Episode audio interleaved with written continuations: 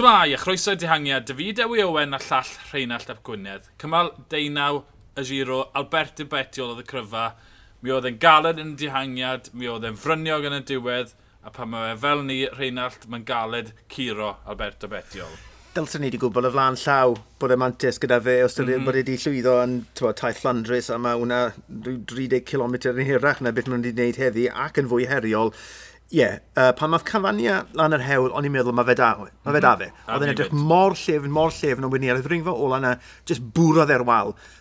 Osgo i gorff, i wyneb e'n dechrau sgyrnygu, neu wydodd e'n gyfan... A, pam a betiol heibio, hwthodd e lan yn gyfan gwbl, ond oedd e, tywod, betiol dal yn pwmpo, pwmpo, pwmpo, pwmpo ar, ar, ar y pedalau.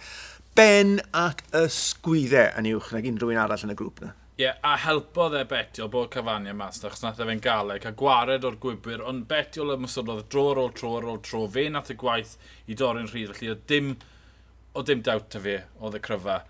Sa'n sa credu bod lot mwy i weid, achos greiddon o bryniau, ym ystod oedd Remi Cafania, wedyn ddath Betiol pasa, e. betio oedd y cryfa, ambell oedd mae'n syml, y cryfa sy'n ennill. Ie, yeah. uh, un gair bach am, am Nico Roach, ti'n bo, ni wedi gweld hyn gymaint wrtho fe yn y blynyddoedd diwethaf, mae fe'n dod mas i warau yn y drydydd wythnos, yn y dihangiadau, ond dyw just y, y canran ychwanegol na sydd angen ennill. Dim na ddim cweit gyda fe. Mae siŵr fod rhywbeth i wneud gyda'r oedran. Mae fe'n 36 a mae fe wastad yn lyflu gweld e yn, yn, mor heriol uh, yn yr wythnos ola. Mae fe'n esiampl gret i'r uh, beicwyr iau yn y tîm. Ond ie, yeah, dim lot i weid. 20 munud o, o fwlch rhwng uh, yr enillwyr a'r uh, peloton. Ie, yeah, gaethon nhw ddwrnod hamddenol a hanner mlaen i gymol 19 de. Um, Mae'r trefnwyr yn ddealladwy wedi cymryd dringfa cyntaf mas oherwydd y trychineb cable car. ddigwyddodd ar y mynydd, felly dim ond 2,700 metr o ddringo si, ond y 10 km ola yw e.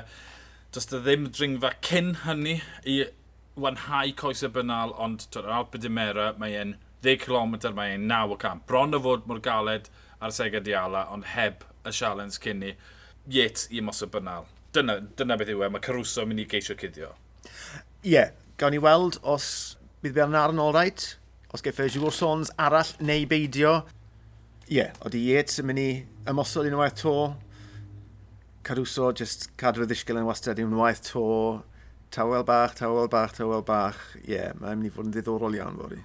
Yndau mae Bernal yn mynd i golli 40 munud, to, mae'n ni'n chwethu lan llwyr neu mae'n galed iawn gweld bwlch yn mwy na 30 eilad, hyn os yw Yates yn hedfan a Bernal mewn trafferth. Ie, yeah, fi credu nath, uh, nath ddo ddeffro uh, Bernal, so mae ma fe'n mynd i ddynesu at y ddringfa yna yn lyged agored. Uh, a mae'r ma, tîm wrth gwrs yn mynd i fod yn hollol siarp o'i amgylch e fori.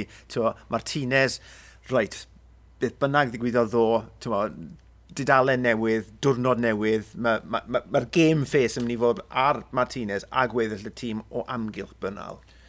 Ie, yeah, um, Martinez a Bynal, gweithio gyda'i gilydd, ddim ymateb, time trial i dop yr Alpe Demera a gweld lle mae'n sefyll cyn bwrw di sadwn sy'n mynd i'r chyfannau, sy'n mynd i'r glaw sy'n tyd yn sialens holl o wahanol. Ie, yeah, di sadwn fydd y gwahaniaeth a dyna fydd yn gweud wrthon ni, un ffordd neu llall, pwy fydd yn mynd adre gyda'r pink?